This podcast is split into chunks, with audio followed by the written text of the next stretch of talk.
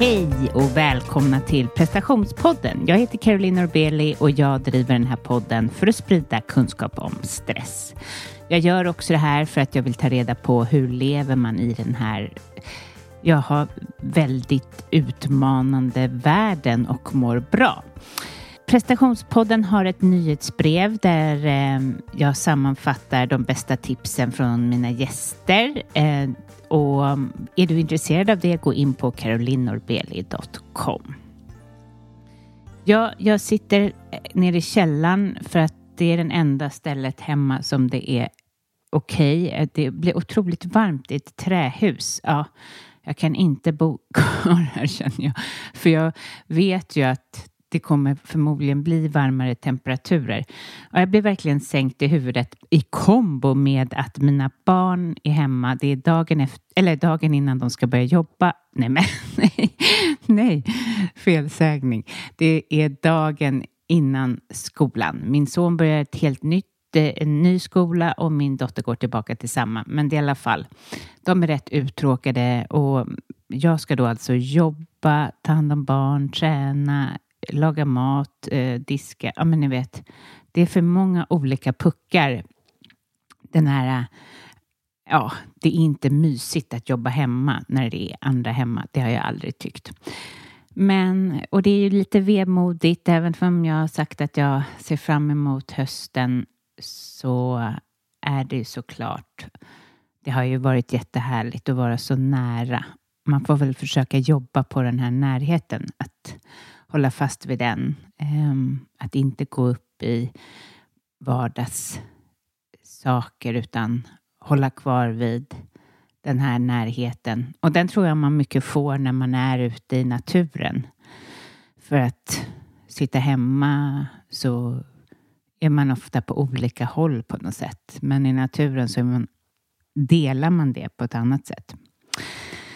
Ja, jag vet inte var ni befinner er nu, men antagligen har ni kommit tillbaka till jobbet. Och jag tror att det finns två olika känslor, eller det finns väl fler, men det är två som jag har märkt på mina kunder i alla fall. Överväldigad eller jag är en fejk.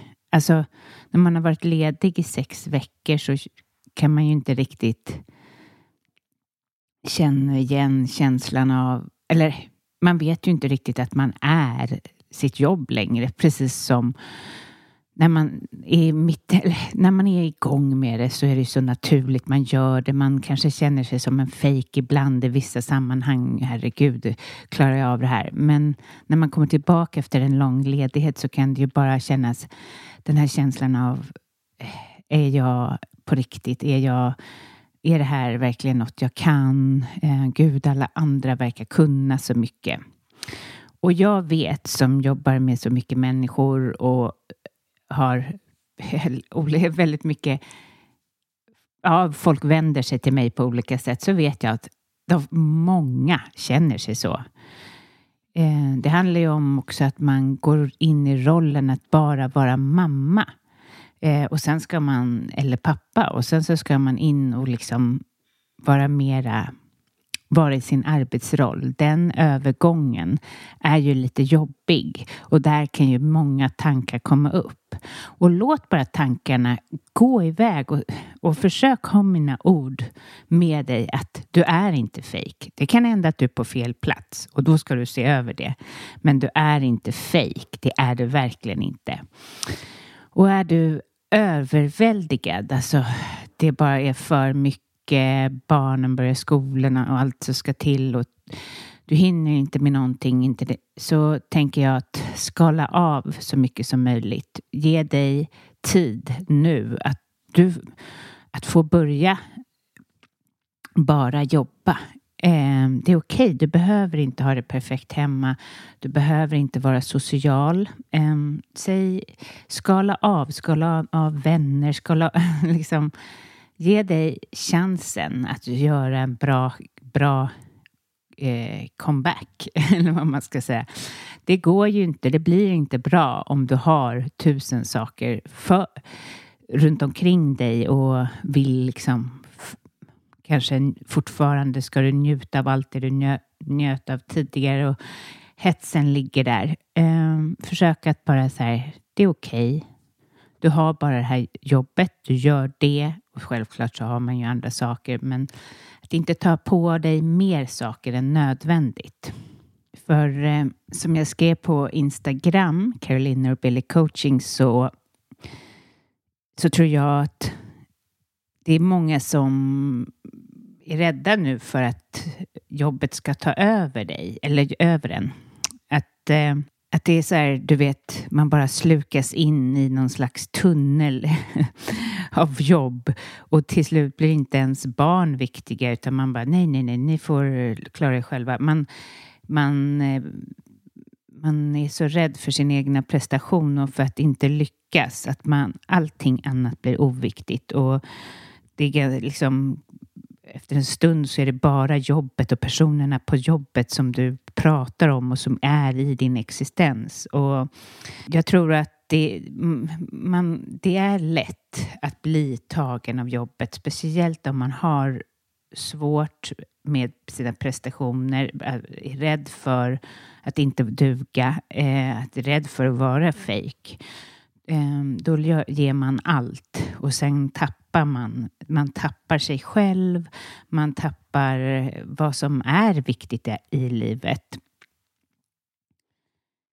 Och det som, om du känner så, att du har den här tendensen, så är det väldigt viktigt att du är medveten om det här. Um, och um, kanske acceptera att um, du inte känner att du duger utan prestation utan att det är det viktigaste. Och jag tror att det handlar om att få fatt på sig själv. Ehm, att du ska ta pauser. Det låter ju väldigt simpelt, men att connecta med dig själv flera gånger om dagen.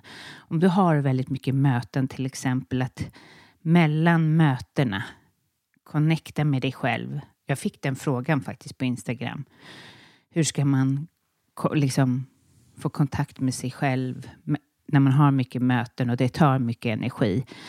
Se till att ha tid emellan.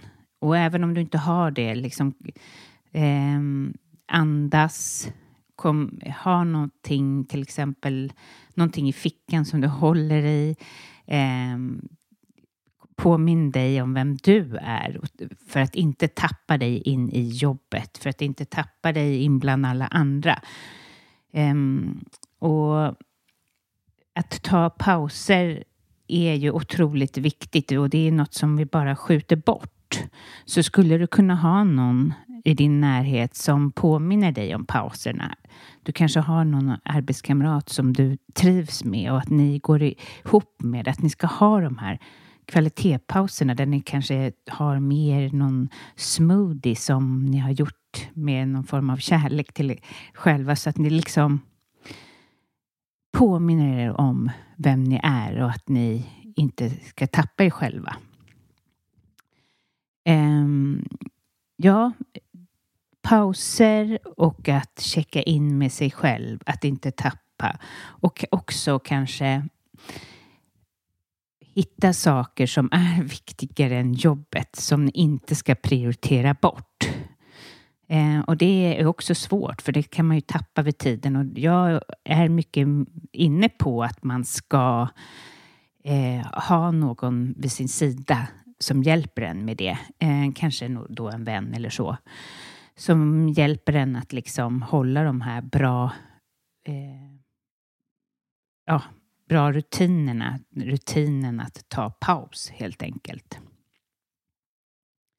Och i, för att få det som en, eh, ja, som en rutin så behöver man göra det även när det svajar på jobbet. Inte tappa det då.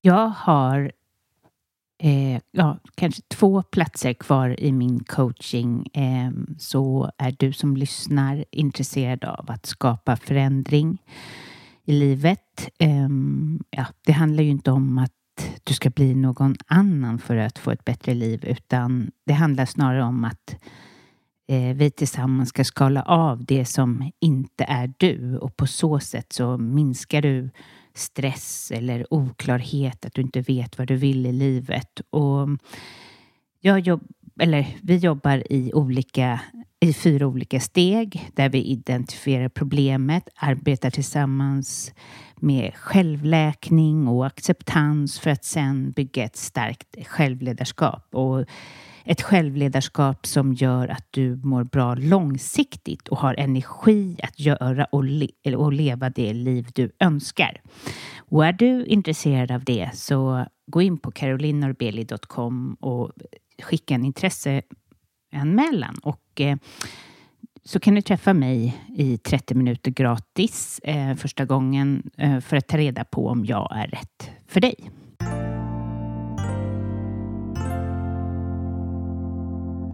Nu är det hög tid att anmäla sig till mitt retreat 5 till 8 oktober i Deja. Vi bor i ett fantastiskt hus. Vi äter hälsosam mat, vi yogar och vi vandrar. Ehm, det här eller yoga-retreat är så fantastiska och ehm, det kommer bli ett minne för livet. Så gå in på carolinnorbeli.com igen och eh, lämna en intresseanmälan så hör jag av mig så fort som möjligt. Du är så välkommen.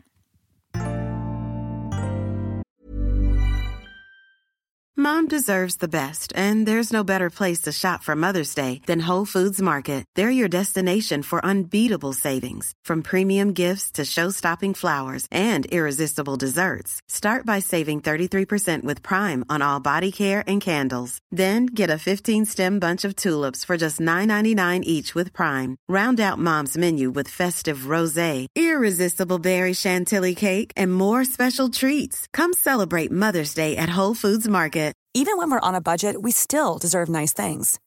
Quince is a place to scoop up stunning high-end goods for 50 to 80% less than similar brands. They have buttery soft cashmere sweaters starting at $50, luxurious Italian leather bags, and so much more. Plus, Quince only works with factories that use safe, ethical, and responsible manufacturing. Get the high-end goods you'll love without the high price tag with Quince. Go to quince.com/style for free shipping and 365-day returns. There's never been a faster or easier way to start your weight loss journey than with PlushCare.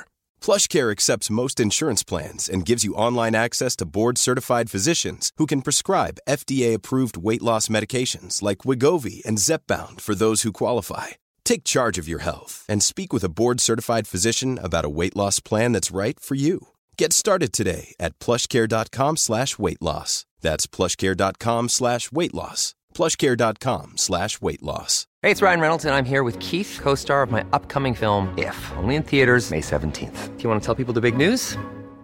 All right, I'll do it. Sign up now and you'll get unlimited for $15 a month in six months of Paramount Plus Essential Plan on us. Mintmobile.com slash switch. Upfront payment of $45 equivalent to $15 per month. Unlimited over 40 gigabytes per month. Face lower speeds. Videos at 480p. Active Mint customers by 531.24 get six months of Paramount Plus Essential Plan. Auto renews after six months. Offer ends May 31st, 2024. Separate Paramount Plus registration required. Terms and conditions apply if rated PG.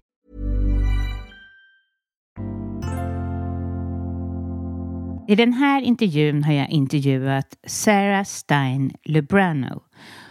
Eh, intervjun är på engelska och jag är inte fantastisk på engelska uppenbarligen. Jag tycker att jag är mycket bättre annars.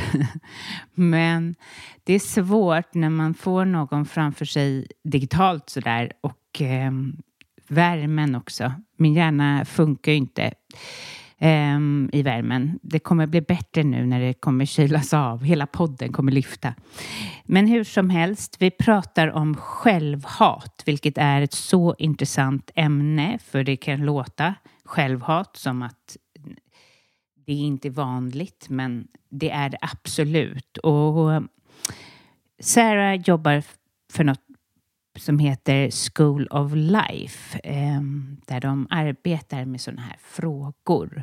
Så lyssna till Sarah Stein Lebrano.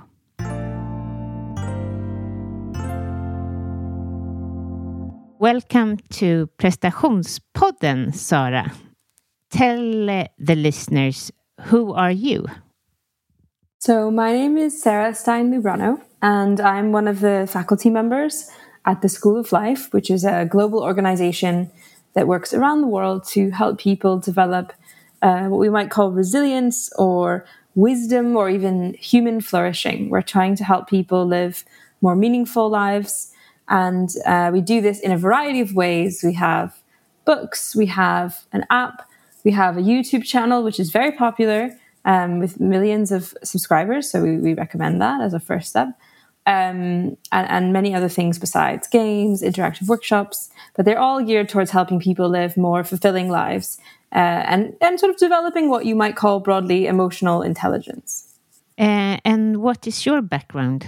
Yeah, I'm, uh, well, it's interesting. I started um, my academic study looking at what we call intellectual history. So, the history of ideas, and, and those are usually big ideas that are really influential in our society, like um, the the Protestant work ethic, for example, and the way it forces people to think about themselves in a certain way. Or um, I looked a lot at the role of sex and gender in people's lives. And then I came to work at the School of Life for a long time, and I, I, I loved that. But I also was very curious about how deeply screwed up our political systems are. And um, I have begun a PhD, which I'm slowly, painfully trying to finish, which is about um, people's psychology and their difficulty in recognizing contradictions in their own worldviews. Um, so I'm I'm also somebody who has my own research at Oxford University, and I'm looking at that in particular. Mm, interesting. And so who did this start School of Life? School of Life is over a decade old. Um, it was mm. founded by Alan de Botton and also by a number of other um, people in that area who are were the original faculty members, for example. Um, everything is always a team. that's like how we like to think about it. So even our books are not, not authored by a single person, but rather we work on them together as a team. Um, and we've been developing it over the last decade and, and a bit um, to try to have a wider reach and to figure out sort of tone of voice people enjoy. But we've always had these same core values of, of, of helping people develop emotional intelligence and wisdom. And, and in particular, one of the reasons it has the name that it has is that we feel that there are really core, important things that we need to learn in order to have good lives, but that aren't taught in school. Um, and that are nevertheless teachable and learnable in a structured way. They are skills. So listening to someone else is a skill. We're not born knowing how to do it, even though that's an intuition we might have culturally. We have to develop that skill, sometimes by talking it out and practicing as we might with something like basketball or, you know, I don't know, making mm. an omelette. Exactly. It's strange that we don't learn it in school, though. Precisely. Yeah. Exactly. Mm. And uh, you've written a book about self hatred. Yeah, this is one of our uh, latest books. Uh-huh. Tell me about the book. Well, I think one of the things that's quite tricky is that a lot of places um, that focus on on what we might call self help are very interested in mm-hmm. this question of like loving yourself. And there are all kinds of cliches in this area. The idea that you have to love yourself first before anyone else can love you. Um, and and there's a lot of kind of very well intentioned focus on trying to actively love yourself. Um, and we're not you know avidly against that necessarily but we think that sometimes for many people, this is the wrong approach because the problem is even prior to this. It's not just that they don't love themselves, it's that they actively hate themselves. And that, that, that self hatred is a very particular kind of problem. It's usually something we've internalized since we were small children. And mm-hmm. it also might be that rather than needing to come to love ourselves in, um, let's say, the way we might love a partner, right, where we see all of their good attributes, we think they're amazing, etc uh, we need to very first of all accept ourselves. So, so to say, well, I'm I'm not maybe as interesting and fun and cool to be around as my friends to me, but I am okay. Um, so we've we've tried to approach this problem from a different angle in this book, and to look at it in this slightly more maybe realistic light about what's possible for human beings uh, when it comes to thinking at least decently of themselves. Mm. What do you think we don't like ourselves or hate ourselves? Well, I think there are a lot of different things that happen. Um, and we talk about them in, in various different ways in this book. I think one of the problems is that we, uh, as we talk about very early on, we face what is often called imposter syndrome, but is really a, a sort of immense gap between the amount of knowledge that we have about ourselves on a daily basis and our almost impossible task of trying to understand what it's like to be someone else. Um, you know, that there's an almost unbridgeable divide um, between between those between ourselves and knowledge of another person's internal experience. And so we know deeply all of the different things that we've done that are seemingly shameful or bad or embarrassing or weak or or you know whatever we know we know all the things that we didn't actually understand in the meeting we know all the times that we were you know incredibly i don't know uh, lustful or um, lazy that we don't really know about other people in our world and that they often seem to us on the outside like they're extremely competent. Um, they seem to know what's happening in the meeting. We don't know any of their you know secret dirty thoughts or whatever. Um, and the thing is, it's not just that that knowledge has this kind of structure and it leads us to maybe think we're unusual, abhorrent, particularly disgusting human beings. It's also that this structure of knowledge is particularly intense in childhood when a lot of our psychological apparatuses are formed, right? So children not only have this problem, but um, they really truly can't understand what the adults around them are like because they are not yet fully developed and they haven't lived an adult life. So if if you remember from childhood, most of us looked at the adults in our life and, and, and almost saw them as minor gods. Not necessarily that we liked them, although we might well worship them, but also that they had competencies and a set of knowledge that we couldn't possibly imagine. You know, there was a point mm. where they could read and we couldn't read, where they could drive and we weren't allowed to go out of our bedroom after 7 p.m. and so on. And we think that essentially one of the reasons it becomes very easy to hate ourselves as adults um, is that we're still stuck in this mindset where other people seem incredibly impressive and we mm. feel uh, like we're one of the few horrible, weak people on planet Earth. Mm. Is that why we start to pleasing others? Yeah, absolutely. And I guess this is also a good way to to bring in the, the question of childhood again, because the other thing that happens is that children are, we think, relatively psychologically robust, of course. So we can often get past things in our childhood in a certain way, and we we don't want to dismiss that at all. But um, we are also deeply influenceable as children, and one of the things that children really want and crave and need is the attention and approval of adults in their lives. Because if you think about it, that's how we survive as a species, right? Mm. Um, if your parents are sick of you enough back in the day, they just can get rid of you. it doesn't happen very often anymore, thankfully. But even so, uh, even today, children really need their parents to essentially give them love and acceptance and reassurance and attention and appreciation because the parents are the people who have the most influence in how the child sees themselves, right? And so many of us, for example, have internalized the voice of our parents. Whatever our parents said to us, accurate or not, they might say something like, Oh, you're so creative. I love seeing how you draw. But they also might say something like, You're always running late for things. Get yourself together. You need to be more organized.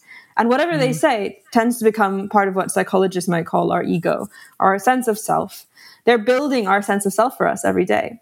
And unfortunately, many people have children and then they don't really have the capacity or ability to give them the kind of attention and appreciation that is needed for that child to develop well. So, a very common coping mechanism for children, which then carries on into our adult life, is to constantly seek um, as much of it as we can get, even from someone who can't really give it to us. And this is a perfect way to set yourself up as a people pleaser, right? Because um, essentially the other person's approval becomes feels as though it's a matter of almost life or death or whether you're okay as a human being or not and as adults we don't we aren't owed so to speak the same kind of attention and appreciation that we were as children. So it might be that our colleagues are just quite busy and they can't really tell us that we did well in a project.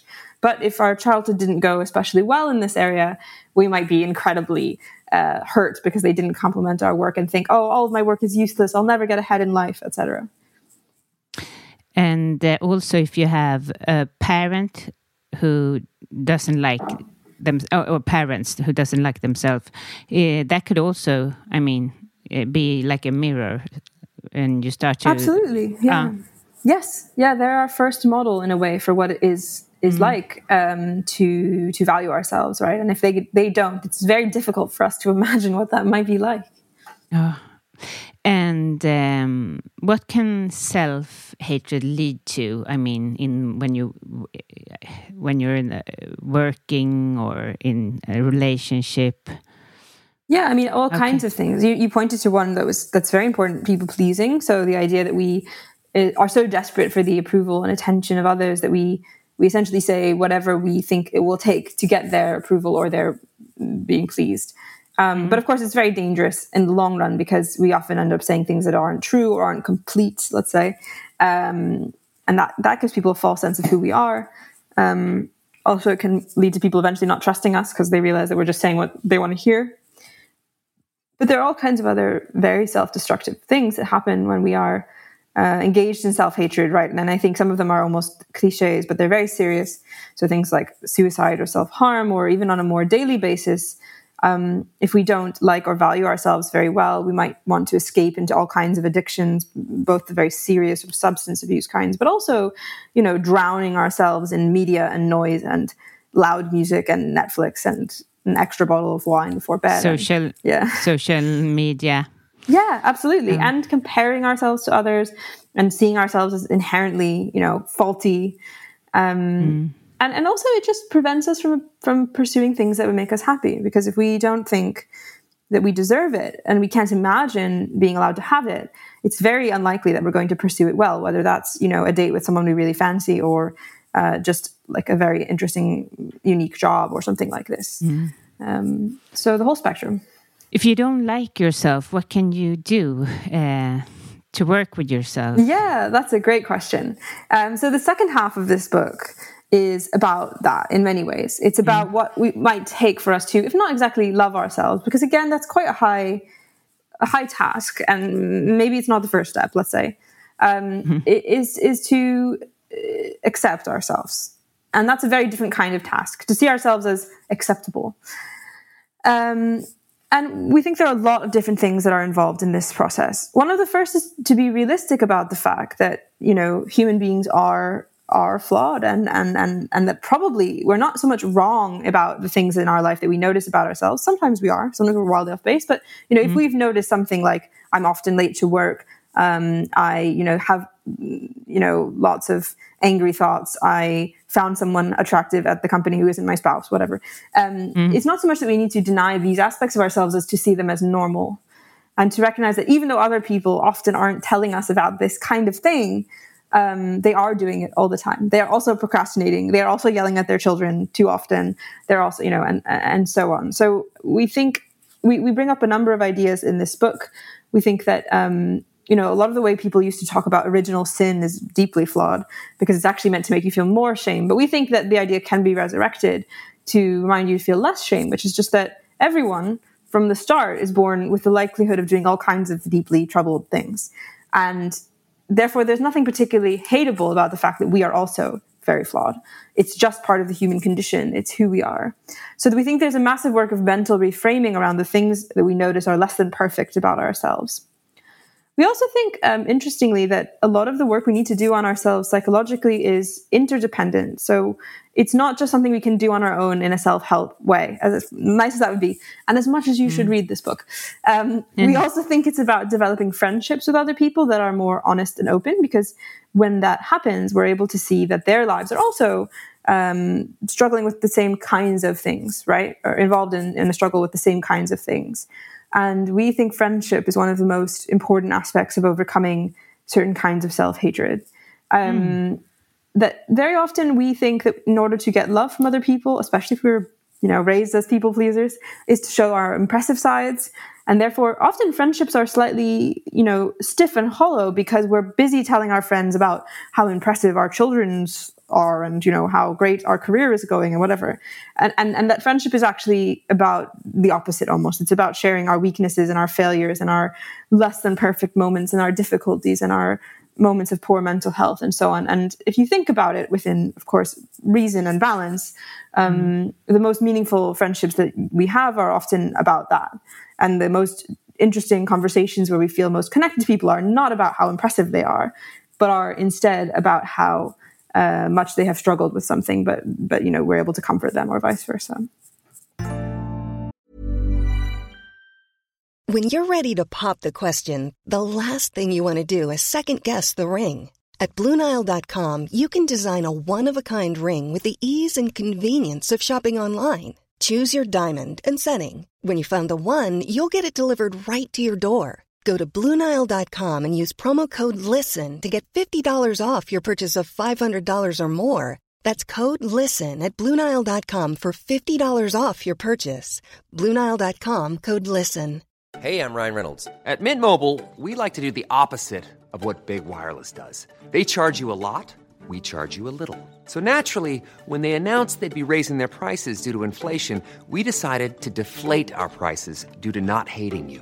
That's right. We're cutting the price of Mint Unlimited from $30 a month to just $15 a month. Give it a try at mintmobile.com slash switch. $45 upfront for three months plus taxes and fees. Promo rate for new customers for limited time. Unlimited more than 40 gigabytes per month. Slows. Full terms at mintmobile.com. Quality sleep is essential. That's why the Sleep Number Smart Bed is designed for your ever evolving sleep needs. Need a bed that's firmer or softer on either side? Helps you sleep at a comfortable temperature? Sleep Number Smart Beds let you individualize your comfort so you sleep better together. JD Power ranks Sleep Number number 1 in customer satisfaction with mattresses purchased in-store. And now, save 50% on the Sleep Number limited edition Smart Bed for a limited time. For JD Power 2023 award information, visit jdpower.com/awards. Only at a Sleep Number store or sleepnumber.com.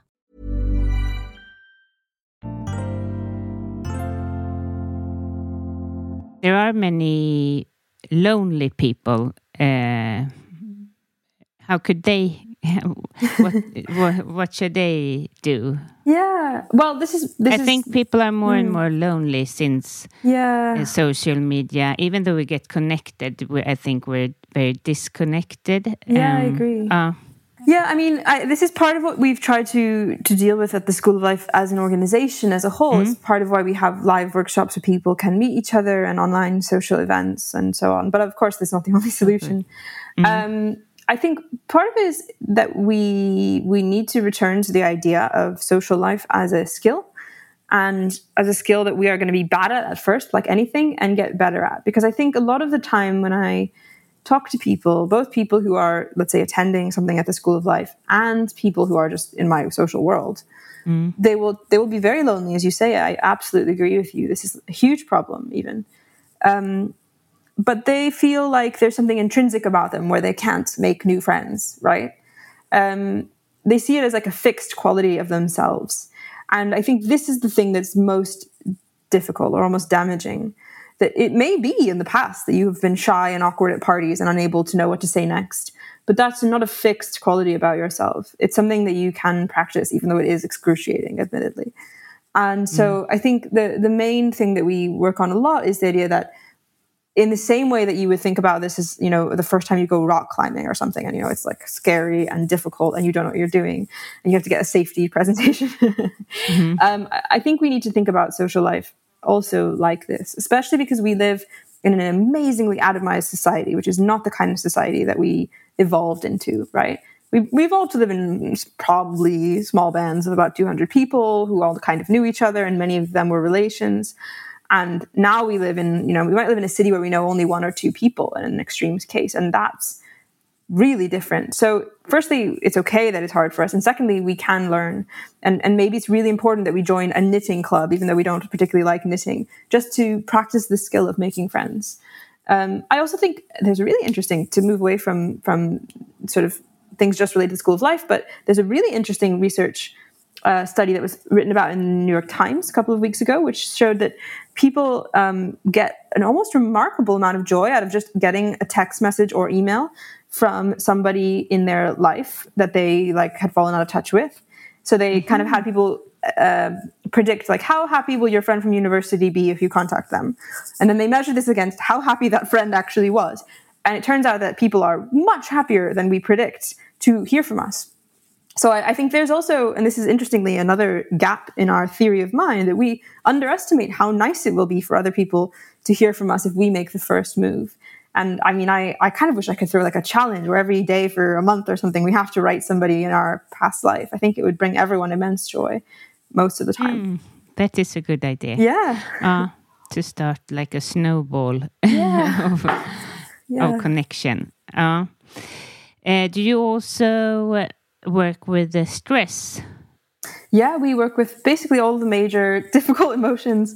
Um, We often talk about anxiety more than stress, but I mean, they are, of course, related. And um, I think stress is particularly the word I use when I'm facing down a deadline personally. I don't, I don't know about you, but um, Mm. but yeah, we we do. We look at all of this. Um, and uh, self hatred. What can they? What can you do? I mean, many of my listeners probably feel uh, you can. I mean, they hear what you say and they um, recognize themselves. And what, what more can they do? We, you you said connection is very good, but is there something else? Well, um, I mean, firstly, we're huge proponents of psychotherapy at the School of Life. We have a team of psychotherapists that do all online therapy. Um, but obviously, there are many other good places to find therapists. Um, and we, we think this is really important because although we've just talked up friendship and we do think it's very important, there are some things that are easier to explore with a therapist because the therapist holds a very important role, which is that they don't have any other stake in any other kind of relationship with us, right?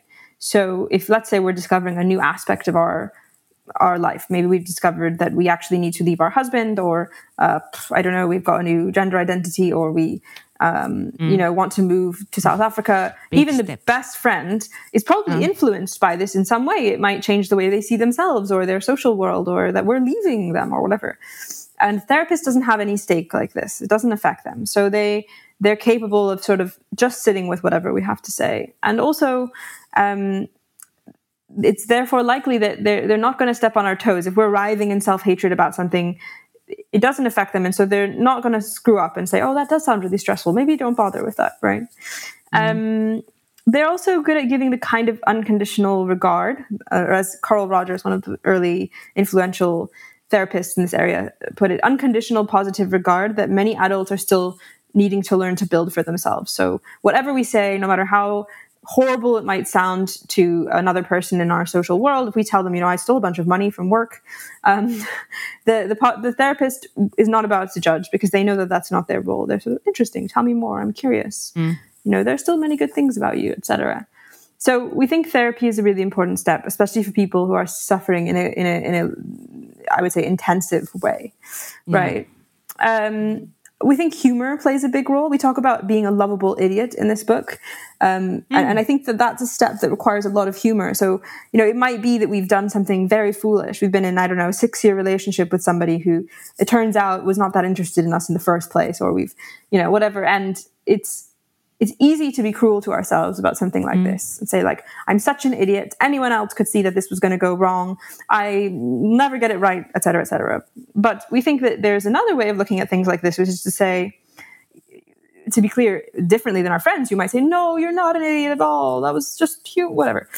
Uh, is to say yeah it was kind of stupid to keep in this relationship that wasn't working but i'm still a lovable idiot and if you think about it, we know how to react to lovable idiots because um, Yeah. they're in every TV show, right? And we love them. We love our favorite character, and they do stupid things all the time, but we still love them. So we we think there's a skill. I think this is a sense of humor. That is very good. Yeah. And when you make mistakes, and uh, I mean, people are so scared about making mistakes. Yeah, I mean, they to really be are. a lovable idiot. I mean, that is very, ah, that is so. It's such a good expression. Mm. Yeah, I find it very helpful because I'm definitely a lovable idiot. I've done many uh, stupid things. Oh, do you have anything else from the book? I mean, it's a very long book. It's not actually a very long book. It's a medium-sized book. It's mm-hmm. 150 pages, so I recommend mm-hmm. that you you go read it. Mm-hmm. Um, but but I, I guess um, I think something else that's important to note is that I don't think everyone necessarily recognizes when they're going through periods of self-hatred, right? Um, some people know, and they'll come to you and they'll say like, "I really hate myself, and it's because I've done all these bad things, whatever." But it's important to look for little little, I would say, hidden hidden emotions or masking emotions. Um, one of the most classic masking emotions in the whole world is anger. So when we're angry, we're often not really just angry. It's almost always a cover for some other difficult emotion. And, and you can notice this if you look at people in your life who are angry, that they're often angry because if they stop being angry, they'd have to be sad and realize that something had gone wrong and they're really sad about it. But they're going to be angry instead because it feels better and more active, right? Or, um, and so on. And we, I think it's important to to not just buy this book if you already think that you're you know caught in self hatred, but also just to begin to question whether there are smaller ways in which we might be full of self loathing, but we've covered this up in a compulsive need to I don't know check the news or um, criticize other people as a defensive protection for having to mm. question whether there are things we actually really dislike about ourselves that are quite similar, right? So I guess what I'm saying is I I, I think we're all guilty of this tricky thing about self hatred quite a lot, and it's just that only some people are able to articulate it. Um, but we talk in the book a lot about sort of the subtle signs that we might still, in some way, be full of self hatred at, at points. Mm, and people who works very hard and they yeah workaholism up uh, yeah by their jobs. I mean, without that job, there's just not a good feeling about yourself. And, I definitely relate uh, to this one. mm, I've uh-huh. been a uh-huh. workaholic, and I think uh, it's hard because people reward you for it, right? If you drink mm. too much alcohol, your friends might eventually say, mm, "This looks troubling." But if you work really hard, then you know people at work are delighted because you finished the project. Wonderful, whatever.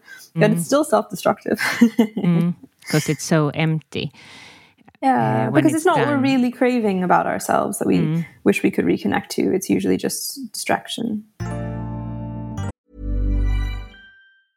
Planning for your next trip?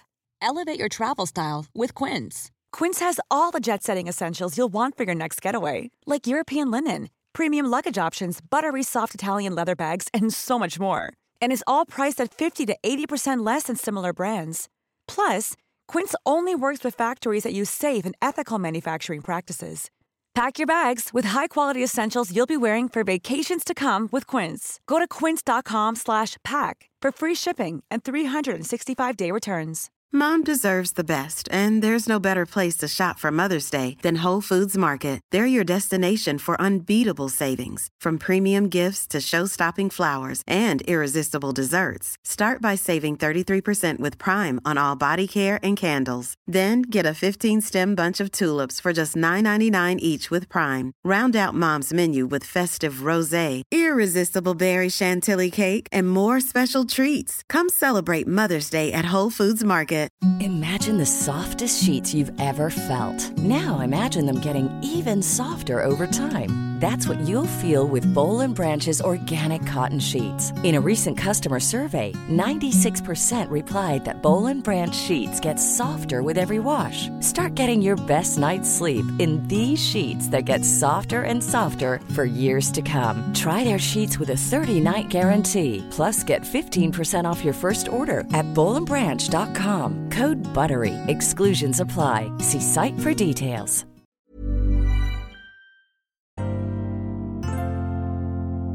What can we do? Like, can we uh, practice something, telling uh, nice words to ourselves to become more lovable? Or do you have yeah, yeah, absolutely. Um, one of the other things that we talk about in this book is the idea that we should practice speaking back to the often very harsh and critical voices that come up in our head um, many of which sound remarkably like our parents or like that particularly cruel teacher that we had. You know, they come from the past.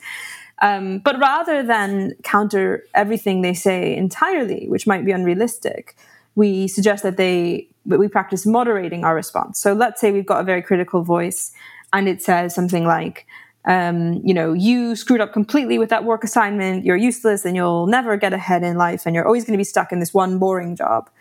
Um, you know, a very maybe uh, extremely positive approach, but not necessarily a helpful one, would be to say, no, it wasn't that bad. This is often what our friends tell us. Or it might be something like, um, you know, I'm eventually going to become the CEO of this company one day.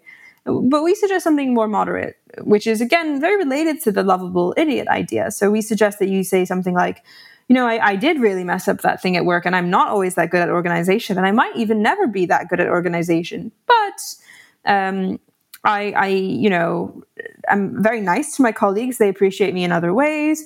And I might never be the CEO of this particular company, but uh, I, I do have a lot of positive qualities. And if I work hard, I can probably at least get a promotion at some point, And it's going to be, if not amazing, decent. Right. So sort of these moderate responses we think are more helpful and realistic. And again, they don't look like self-love in a cheesy way, but they're they're simply a way of seeing all the sides of ourselves in the way that other people that love us are able to see us. It sounds like it's sort of uh, acceptance. Yeah, exactly. It's self acceptance. Mm. I think that's a mm. great way to start. You know, we can see this in other areas of um, life. I think one of the nicest ideas that's come out recently is there was a lot of what was called body positivity, um, right, or sex positivity, and those things are not necessarily bad, but sometimes they can uh, become really difficult for people as, as a first step. So moving from hating your body to thinking your body is great is sometimes just too hard for people. And it's better to say something like, you know, I don't love how my body looks. I don't love the way my thighs, you know, work, move together when I'm walking down the street, but I can accept it. This is me right? Mm. Or um, might be something about sex. You know, I'm not comfortable really with sexuality, but I accept that. Uh, you know, other people are having sex and I'm having sex, and I guess it's it's, it's weird, but it's okay, right? And th- that kind of step uh, is a better first step a lot of the time than forcing people straight into love because it's so unfamiliar to us. And and you know, mm. frankly, we don't have to love everything about our body. We just have to not hate ourselves so much anymore, and we'll still be a lot better off. mm. Oh, so uh, acceptance is the key, sort of. I think I think uh, it's a good uh, start. Yeah. Uh, it's a good start. Mm, uh, because uh, many, I mean, I heard people talking about you should say kind words and stuff, but I agree with you that it doesn't really get into your heart when you don't agree with with what you say. Like I am such a good person, and inside of you, you, you say no. No, I'm not. it's like uh, uh, so acceptance is it's a key for a lot of things.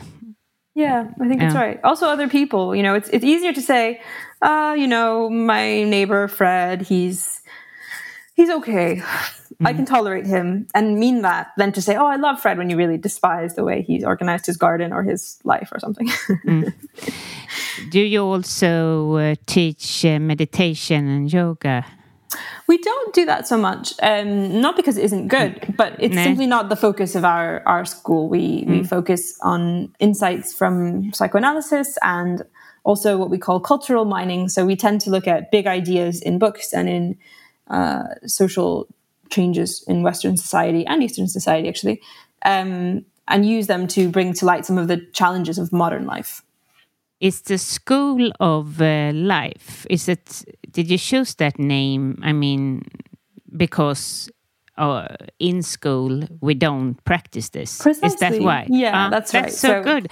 Right, uh, because we think that right now we're learning lots of geometry, but we're not learning almost anything about how to, you know, hate ourselves less. for example, we could get rid of a few subjects mm. having this instead. I would certainly have enjoyed much of the things in the School of Life more than physics, which I struggled with immensely and have never used since either.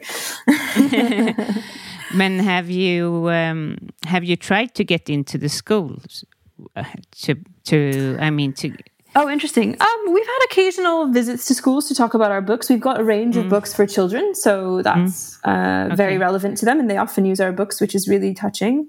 Um, we're not immediately focused on that, but I do think the good news is that increasingly schools are beginning to see the importance of this kind of um, approach to to children's development. And um, I don't know about how things are in Sweden, but in Britain we're having a pretty severe crisis uh, for children's mental health. And obviously, this is just one. You know, working on on your emotional skills is just one aspect of mental well being, but I, am mm. hopeful that even if it's not through us directly, in the next decade or so, more of this kind of approach will uh, come come through in, into children's lives in school. I hope so. Um, I can understand that since uh, I have a brother living in in um, in England and lockdown, and mm -hmm. uh, he was locked down during the most like important times. I mean, he was uh, 16. Yeah. And when you're supposed to meet other children, it affects him a lot. And I understand